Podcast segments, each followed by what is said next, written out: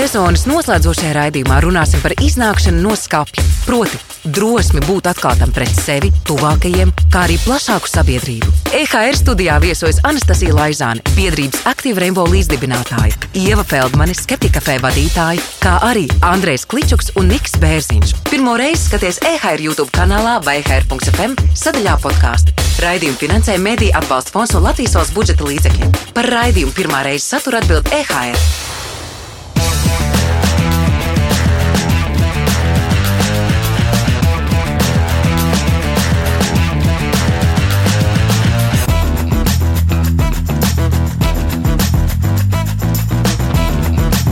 Čau, čau, čau! Šodien mēs tiekamies pirmās sezonas noslēdzošajā pirmā reize šovā.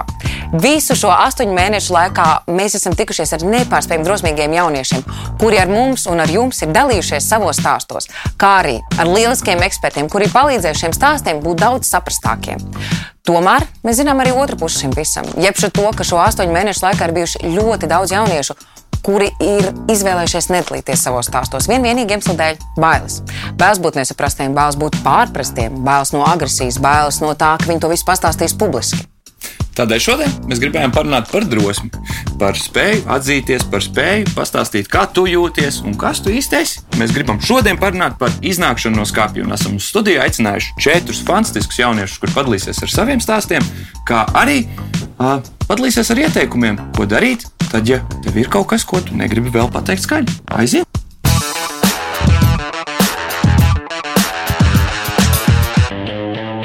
Čau, čau, čau! EKR studijā šodien viesojas Anastasija Laizāne, jeb biedrības Active Rainbow līdzdibinātāja. Piu, piu, piu, piu, piu! Super!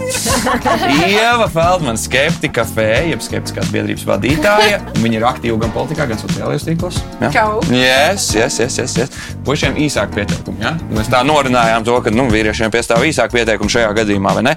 Tātad Andrejs. Andrejs ir mūziķis. Ja, un, ja jūs gribat noskaidrot vairāk, piesakojiet Andrejam un uzziniet vairāk, kāds tieši mūziķis viņš ir. Vēl viņš arī rada saturu.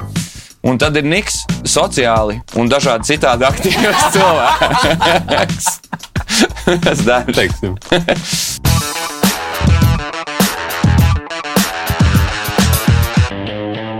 Sākotnēji es biju attiecībās kopā ar meitenēm, mēģināju būt vienu reizi, otru reizi, trešo reizi nesekmīgi. Un visu laiku domāju, mēģināju novilkt uz pubertāti, ka tā sajūta, tā pievilcība pret savu dzimumu ir uh, kaut kāda pubertātes uh, perversija. Bet tajā brīdī, kad tu jau nonāci attiecībās, un kad es nonācu savās pirmajās nopietnējās attiecībās, un es tiešām sapratu, ka es mīlu savu partneri, es jutos tik ļoti ierobežots tajā ieslēgtajā skapī, kad es nevaru iznākt no viņa ārā cilvēkiem, kas, kas mani mīl, mana ģimene. Mana māsa ir mans vis, vistuvākais cilvēks, mans uh, tuvākais, labākais draugs. Un brīdī, kad es saprotu, ka es savai māsai nevaru pateikt to, ka es mīlu savu partneri, un man ir jāsaka, jāsauc viņu par, jāsauc manu puisi par, par manu meiteni, un jāizliekās, jāsauc lietas citos vārdos, tas man iekšēji tik ļoti grauza, ka es jutos tik emocionāli nospiests, ka es vienkārši vairs to nevarēju. Un tad, kad es saņēmos, es šīs frāzes nevarēju pateikt tieši šiem vārdiem, jo pirmā doma, kas parasti jau mums visiem ir, ka tava ģimene no tevis atteiksies, tavi draugi no tevis atteiksies un vispār tiks izslēgts no sabiedrības un nevienam tu vairs nebūsi vajadzīgs. Bet, uh, Tāpēc arī tiešiem vārdiem es nevarēju pateikt, kā klauju ieva esmu gejs, bet uh, runāju, runāju, ļāvu, lai šī tēma novirzās uz šo momentu, lai viņi pati uzdod šos jautājumus. Un brīdī, kad kā, es pateicu, ka laikam tu uzdod jautājumus, nu, tajā virzienā, burtiski, ja mēs runājam ne par, ne par tiem dzimumiem, ka viņi saprata, kā, kā tas ir, bija tāds, nu, tas ir viss. Tas ir viss, ko es gribēju pateikt. Tas tā, tādu, tāds kā akmens novēlās no sirds, ka vienkārši mans tuvākais draugs, mans labākais draugs, mana māsa arī ir spējīga mani pieņemt tāds, kāds esmu. Tad jau visas nākamās durvis vērās vaļā ar vien vieglāk un vieglāk, un katra iznākšana no skāpja palika vēl vienkāršāka.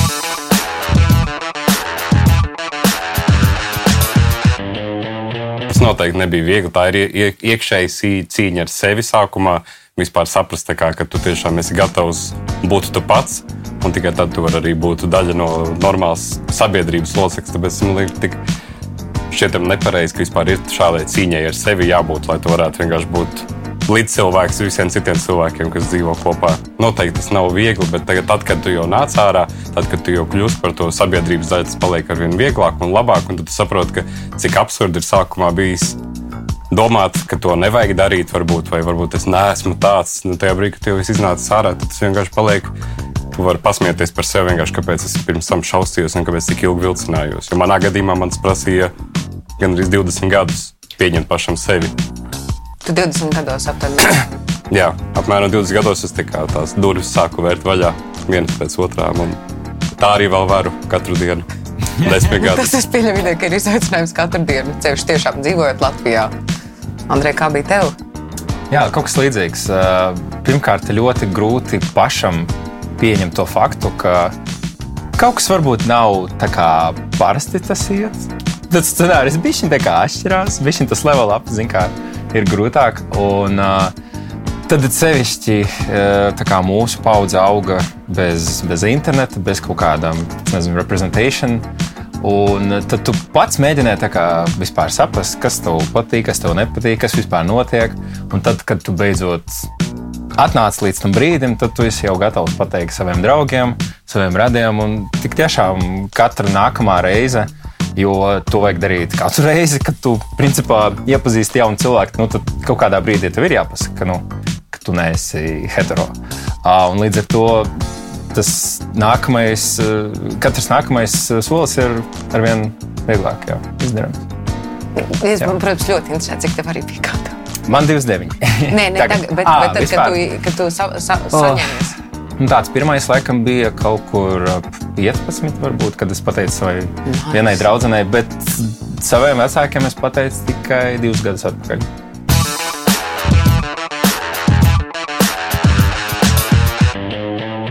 Viens no tādiem brīžiem, kas man palīdzēja saprast lietas, ka es esmu vērtīga, kāda es esmu, ka mana seksualitāte ir mana un es drīkstu būt, kāda es esmu. Bija, es biju vienā geju klubā Rīgā, un man tur bija saruna, saruna ar vienu meiteni, vienu draugu. Un es viņai pateicu, ka īsnībā es jūtos, ka man patīk teikt, cilvēki neatkarībā no dzīvuma. Es jau kādu laiku biju domājis, ka esmu panseksuāli, bet man tas līdz galam nedeva tādu apmierinātību, šis, šis termins. Un, bet es viņai pateicu, ka es tā, tā jūtos, bet es īsti nejūtu, ka es drīkstu šo terminu lietot, jo es esmu precējusies ar vīrieti, es esmu heteroseksuālās attiecībās. Un viņa pati esot no LGBT kopienas, viņa pateica, kāpēc? Tu taču tāpat esi tas, kas tu esi, un tas, ar ko tu esi attiecībās, nemaina to.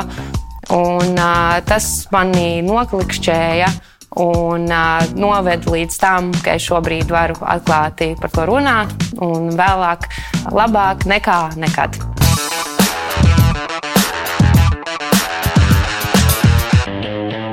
Man ļoti bija bail piesavināties kaut ko no LGBT kopienas un sevi uh, misreprezentēt. Un es ļoti ilgi apšaubīju to, bet ļoti ilgu, ilgu laiku biju domājis par to, kas es esmu. Un tas bija diezgan garš process līdz ar to no, no vidusskolas laikiem. Pirms tam skolas laikos man vienkārši tā nebija opcija par to domāt, jo es uzaugu ļoti konservatīvā katoļu vidē. Man visu dzīve bija ap un iekš baznīcas, un tāpēc man tā viss tāda savā ziņā pubertāte notiek šobrīd, kad es balējos, es deitojos aktīvāk dažādus cilvēkus vienkārši izbaudu beidzot dzīvi, jo es pats sev esmu iznākusi laukā un varu būt brīva un arī brīva pret citiem cilvēkiem. Un man ir ļoti paveicies, ka man apkārt ir forši cilvēki, kas ir pieņemoši, un es, man tas draugu lokus ir uh, pilnīgi ok ar to visu. Tā kā, jā. Paldies! Tik Anastasija! Kāds, kāds, kā, kā bija manis? Jā, jā. Um, tas process nekad nebeidzās. Tas, tas ir viennozīmīgi. Un, un arī sevis meklēšanas un saprāšanas process man šķiet, ka viņš nekad nebeidzas. Viennozīmīgi. Un, uh, man, mana pirmā iziešana no skapja bija tad, kad man bija 15, kas jau ir vairāk kā 15 gadus atpakaļ. Uh, kas bija arī saistīti ar manu pirmo pieredzi, kad es viena pati braucu, braucu kaut kādos jauniešu projektos uz apmācībām un, un, un visādi citādi. Un tur es satiku pirmos uh, dzīves homoseksuālus cilvēkus. Uh, cilvēkus, kas var kopīgi būt vienā telpā un strādāt no dažādām konfesijām, vecumiem un viskaut kā citādāk. Un es arī pirms tam mēs runājām, minēju, ka man, man, man bija tāds, nu, fuck, meitenes bučojās. Nu, fuj.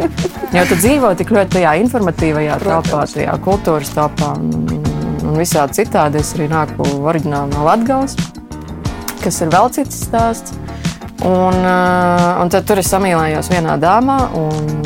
Tad man bija milzīgs tāds kultūras šoks par to, a, a, ko tas tagad nozīmē. Es taču domāju, ka ir tā. Un tas bija tāds liels un garš process, kad, kad tev beidzot viss sāk likties pa plauktiņiem, kad tu sev ļoti godīgi atzīsti, ka patiesībā tu sev meloji tikai tāpēc, lai iekļautos tajā kaut kādā plūsmā, jo mēs visi gribam būt kaut kam piederīgi, jo tad tas kaut ko atrisina. Un tev ir, tev ir, tev ir kāds, ko paskatīties, kam, kā, kāds, kam pajautāt kādu padomu. Um, bet manā gadījumā, un tā mazpilsētas kontekstā, tas ir tāds, tu esi pilnībā pārliecināts, ka tu esi vienīgais gejs vai lesbieta ciemā. vai pilsētā. Un, lai gan es skatos, nezinu, kā es, kā es sevi izpaužu, kā es ģērbjos un viss pārējais, es, es arī tieši pirms intervijas domāju, bet es nekad neesmu bijis citādāk.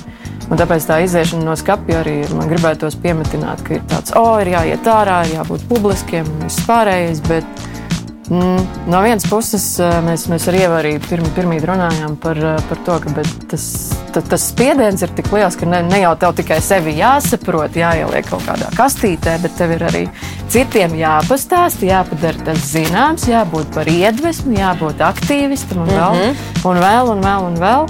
Um, tā, tas ir, tā ir ļoti interesanta pieredze, viennozīmīgi. Un, uh, bet Man ir daudz jautājumu un daudz viedokļu droši vien par to, vai mums, vai mums tas ir jādara un vai tas ir jādara katram.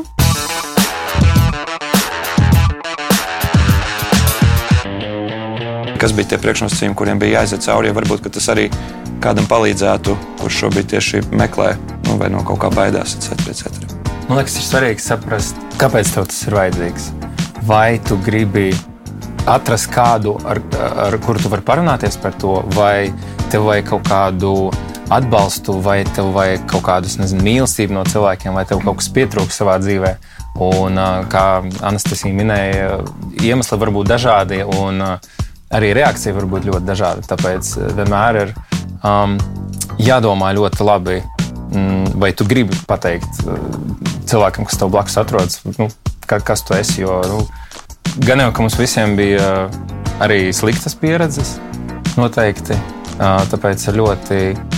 Mm, nu, ir, ir jāizdomā tas iemesls, kāpēc tu vispār to gribi izdarīt. Bet tas bija tā, ka drošība arī ir ļoti liels jautājums. Jā. Kā izlemt, jā, vai to teikt? Tas noteikti drošība ir vissvarīgākais.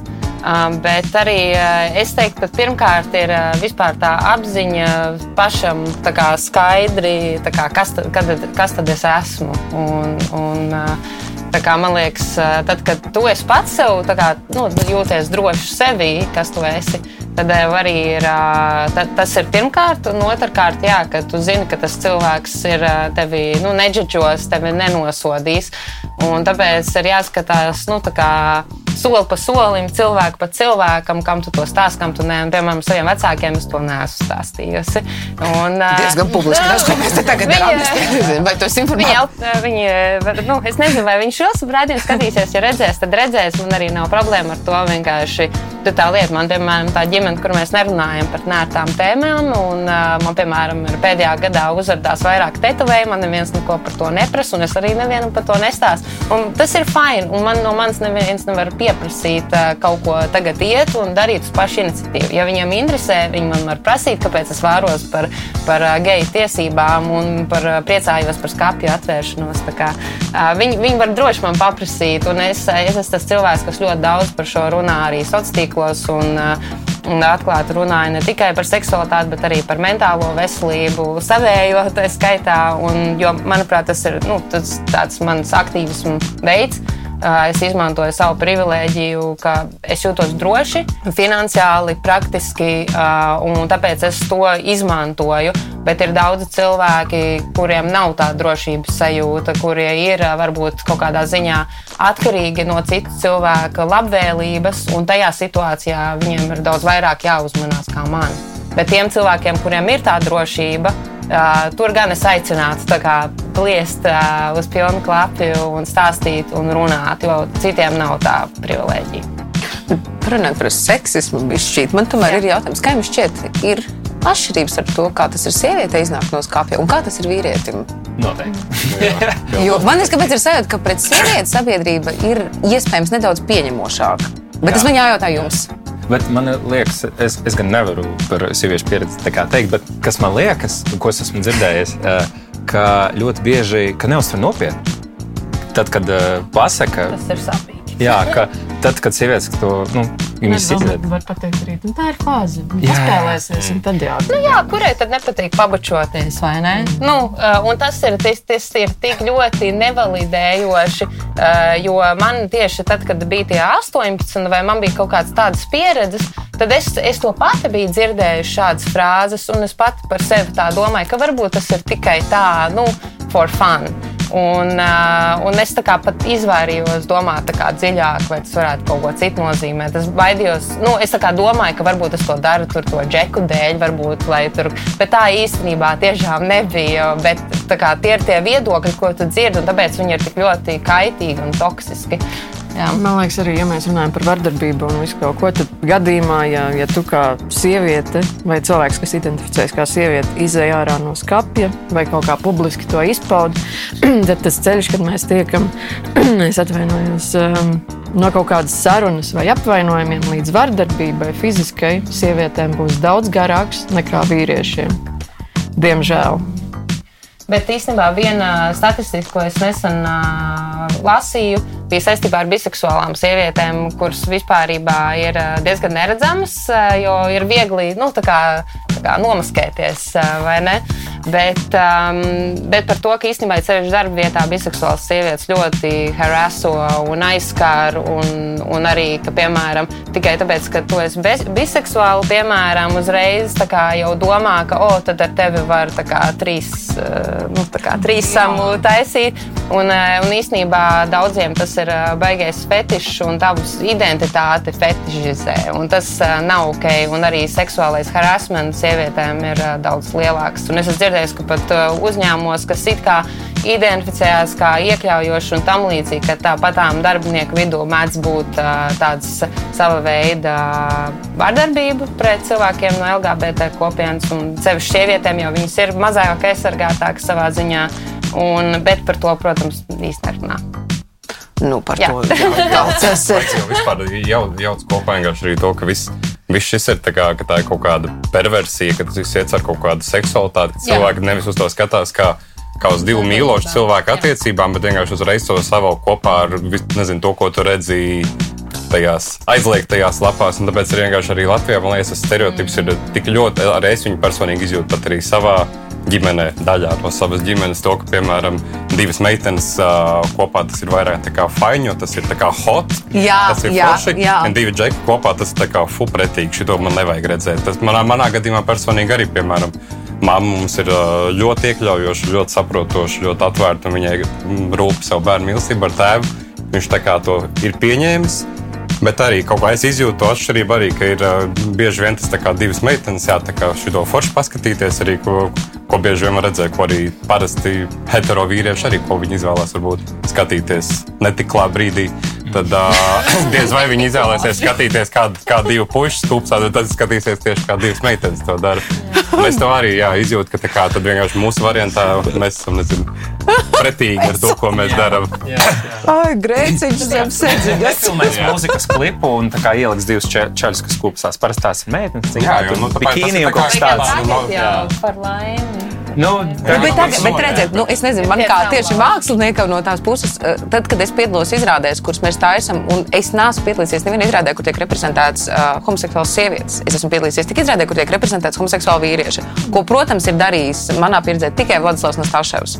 Uh, tad vienmēr neviens neaprakstīs šos darbus kā vienkārši par cilvēciskām attiecībām. Bet tas tiks uzsvērts, ka reku, nu, mēs tagad varam skatīties šo iekļaujošo izrādi, kur vienkārši mēs runājam par cilvēku attiecībām. Parastiem cilvēkiem ir jāatbilst kaut kādiem stereotipiem, noteikti tur balss vai ģērbšanas ziņā. Nu, Ļoti, cilvēki ļoti mēdz būt izbrīnīti, ka tas pastāsta, nu, ka es zinu dažādas, nu, no LGBT kopienas tiešām mēs esam ļoti, ļoti dažādi paši par sevi. Un, un ka es zinu, nu, Džeks, kur tu nekad tur vispār nevieniem stereotipiem neatbilst, un, un cilvēki ir šokā par to. Un tas ir tāpēc, ka visur mēdījos, filmās, seriālos, visur jau rāda tikai to vienu, to de gay vai debaču lesbienu. Jā, lesbietis ir tikai uh, ar īsiem matiem kaut kas tūlīt notiks. Es jau Tas ļoti tā. Nē, nē, nē bet pēc tam par, tā, par to iziešanu no skapja, tad tas cilvēks, par kuru tu nekad nebūtu domājis. Bet tu taču neizskaties pēc viņa. Tas ir tas pats ar mentāliem traucējumiem. Tu taču esi ļoti priecīgs. Jā, jā,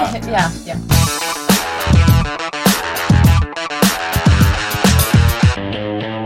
Kur varbūt meklēt, vai līdzīgi domājuši kādu, kur būs droši parunāt? Es tikai jūs teicāt, Atbalstu. Atbalsts, jā. jā. Mans ieteikums ir Noteikti var griezties pie Active Rainbow. Viennozīmīgi ir arī mozaīka, pie kuras var griezties. Un principā pie cilvēkiem, ar kuriem tu jūties droši. Tas var būt tavs draugs, draugs, skolotāja. Um, nezinu, Cerēsim, ka vecāki arī kaut kādā veidā. Es tieši par vecākiem gribēju citu šo jautājumu uzdot. Manu draugu lokā ir vairāk tādu, kuriem tieši ir tā problēma ar to, ka vecāki nepieņem. Un pat ja ir pateikts, viņi to atsakās pieņemt. Un Man šķiet, ka tas varētu būt viens no tādiem sāpīgākiem jautājumiem. Es nezinu, kā, nu, labi, es saprotu, tavā gadījumā vecāki nezina, bet tūlīt laikam uzzinās. Bet, uh, Man tas bet... ir visu rakstīt visos tīklos. Nu, ja viņi to nezina, tad. Nu, bet šajā nedēļā. bet tagad nu, viņi uzzinās. Gribu piebilst, ka pirms manējiem vecākiem mums arī nav bijis tās sarunas. Un, uh, es gribētu atgriezties pie tā, kāpēc, kāpēc tas, tā Jā. bumba vienmēr ir mūsu pusē. Viņi var paprasīt arī. Viņiem, ja viņiem rū, ja es rūku, viņi var paprasīt. Ja viņi redz kaut ko aizdomīgu, viņi var paprasīt. Es nevienu šaunu neesmu mājās atvedis pēc saviem 30 gadiem. Nu, I guess there is something. Un atkal gribas pateikt, ka, ja liekas, ka vecāku viedoklis ir svarīgs, tas nevienmēr tā ir. Un uh, ir brīži, kad, uh, nu, piemēram, man dzīvē bija tā, ka es beidzot pateicu saviem vecākiem, uh, mammas reakcija bija more or less ok, bet ar tēvu eventually mēs pārstājām runāt vispār.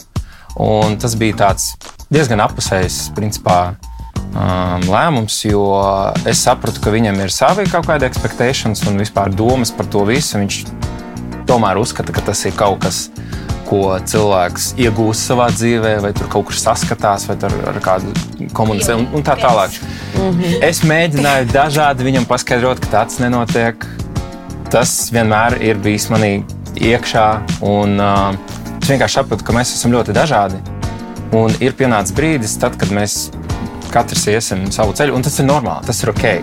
Uh, nevienmēr vecākiem ir jābūt tavā dzīvē, un tev ir ļoti daudz draugu, kas tevi atbalstīs, kas tevi sapratīs.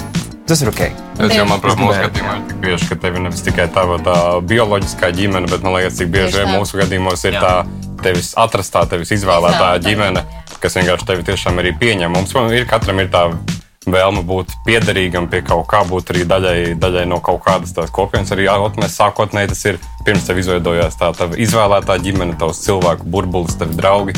Protams, tas pirmais ir ģimene, un tu jau sagaidi, ka viņi, tas no viņiem nāks atbalsts. Bet, kā teicu, ir labi kaut kādā brīdī saprast, ka mēs jau katrs pats arī meklējam to savu dzīves ceļu un ejam. Un, kā, nu, ja, ja tev nav atbalsts no tiem, no kuriem kā, kaut kur zemapziņā tu viņu sagaidi, tad tu meklē to atbalstu kaut kur citur. Un, un viņš Jā. ir.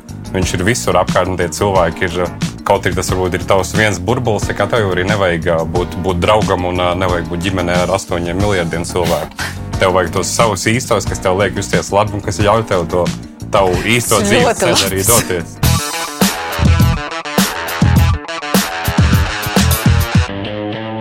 Kā jums šķiet, kas ir tas, ko mēs varam pagrozīt? Kas ir tas, kāpēc tā tas notiek? Domāju, tā bumbiņa sāk vēlties tad, kad aizvien vairāk cilvēki sāk būt laukā un runāt par šo. Tas, nu, ka raidījumi, tieši tā, un ka raidījumi notiek, un ka atverās jaunas vietas, ka ir organizācijas, Un ka tas vienkārši, un ka aizvien vairāk cilvēku, kas ir arī sabiedrībā pazīstami, iznāk laukā. Jo tomēr daudzi sevišķi jaunieši, bet arī vecākas paudzes cilvēki. Viņi skatās, o, tas tur ir tas, o, tas arī ir gejs, o, un tas arī ir tā arī ir lesbija. Un tas tomēr daudz ko īstenībā nozīmē. Un tā, piemēram, arī vēl, piemēram, sporta pasaulē, nu, startautiskajā īstenībā nav populāri, piemēram, futbolistiem iznākt laukā no skāpja. Un tagad, tikai tagad, arī Eiropā, modernajā, ja, arī tikai tagad kāds tur futbolists, ja iznāk laukā, kāds čeks, laikam nesen tur pirmais, jā, lai gan, nu, nu dēl tur uh, ir pilns, uh, pilns ar dažādiem cilvēkiem, vai ne? Un, un es domāju, tie, kas ir tajās privileģētajās pozīcijās, kas ir redzamajās pozīcijās, mediju gaismā, uh, tiem ir jānes tas vārds laukā un jānormalizē vienkārši, kad mēs esam daļa sabiedrības. Es domāju, ka ir arī vairākas lietas, droši vien, ko es gribētu piemetināt tam, ko tu teici. Ir tie, kas jūtas tā, ka viņi var runāt, un var iestāties un var būt publiski. Uh, tas, tas viennozīmīgi ir tas, ko var darīt. No otras puses, ir ļoti ikdienišķas lietas, ka, ja tu redzi, ka notiek netaisnība, mm. lūdzu, iestājies par Jā. par taisnību. Lūdzu, iestājies par to, lai, lai neapbežotu mazāko vai, vai, vai neapceļ ārā, kur pīlāna mm. iet vai kaut kas tāds. Tās, tās ir ļoti, ļoti vienkāršas lietas, bet ja mēs, ja mēs turpinām ignorēt un, un domāt, ka uz mani jau tas neatiecas, tad, tad, tad, tad lietas nemainīsies. Jo viss kaut kas notiek, bet nav tādas kopīgas sajūtas, nezinu skolas, skolas uh, vadība, skolotāji, politiķi, sabiedrība atpazīstams personas, ka mēs visi tā publiski pasakām, ka hei, šis nav ok, mēs visi vienkārši jā, jā, gribam dzīvot. Jā. Mēs vienkārši gribam dzīvot, nevis, nevis līst vienu otru dzīvēs vai vēl kaut kas tāds, jo nav, nav droši, nav fani. Mēs varam arī sākt runāt par, um, par um, tā pašu mentālo veselību un, un, un pašnāvību skaitu. Un, tas viss nav smieklīgi, un tas viss ir, bet, bet mums nav cita varianta, kā par to pasmieties kaut kādā nu, piemēram, LGBT kopienas uh, pārstāvju starpā mentālās veselības problēmas ir uh, četreiz vairāk izplatītas kā hetero. Un kā jums šķiet, kāpēc tas tā ir? Tas ir tāpēc, ka cilvēkiem ir jāsēž skapī. Uh, viņiem ir jācīnās, pirmkārt jāsaprot, kas viņi ir, un tad, tad jāslēpjas un, un kaut kādā veidā jāsmeklē tas atbalsts, tas ir darbs vispār eksistēt. Un, un tāpēc, jā, ja mēs radīsim vidi, kurā ir droši iznākt laukā, tad arī cilvēki jutīsies labāk mūsu sabiedrībā un arī uzlabosies mentālās veselības rādītāji LGBT kopienā.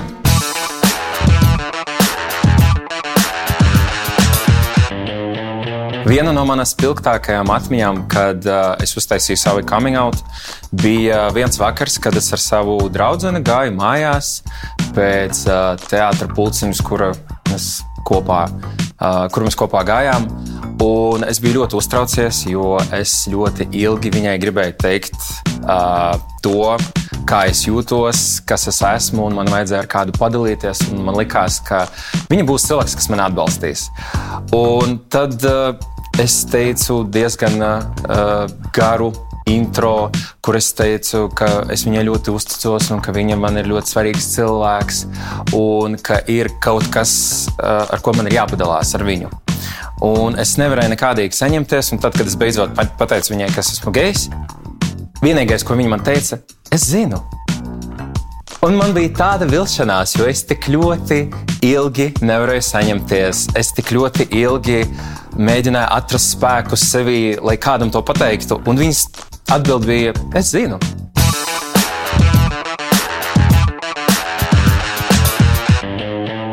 Manā gadījumā bija tā, ka es vienkārši es izvēlējos cilvēkus, kuriem es gribu pateikt. Un, Jā. Es to izdarīju tāpēc, ka es viņam uzticos, un es gribu, lai kaut kāda daļa no manas dzīves viņiem ir pieejamāka. Lai man nav jāstāsta, ka es un savs partneris, bet es varu teikt, es un savs puisis. Nu, bijušais, bet nu, still. Tur īstenībā tas, ka tu to atklāji eh, nu, otram cilvēkam, viņš ir privileģēts. Tu, es atklāju tev kaut ko tik ļoti intīmu, eh, kaut ko tik svarīgu. Tad, eh, kā, ja tev kāds to atklāja, tas nozīmē, ka tu esi ļoti svarīgs viņa mm. dzīvē. Mums ir jāpēc, bet tas nākamais tāds - sorry, es atvainojos. Jā, nē, kur tu esi? Šis ir tik labs raidījums. Es tev brīnos. Tas ir the best raidījums. Mums ir jābeidz. Jā, mums ir jābeidz. Paldies jums tik tiešām. Un, un, un, un,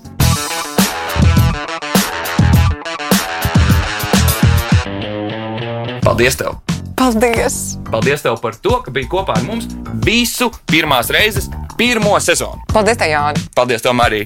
Bet, ja nu tomēr tu gribi gremdēties atmiņās, vai es nokavēju kādu no iepriekšējām sezonas epizodēm, tādā gadījumā skaties visur. Skaties YouTube, YouTube, Facebook, Instagram, EHR.FM sadaļā podkāstu. TikTokā. Visur, pilnīgi visur. Bet šobrīd sakam tev čau! Paldies!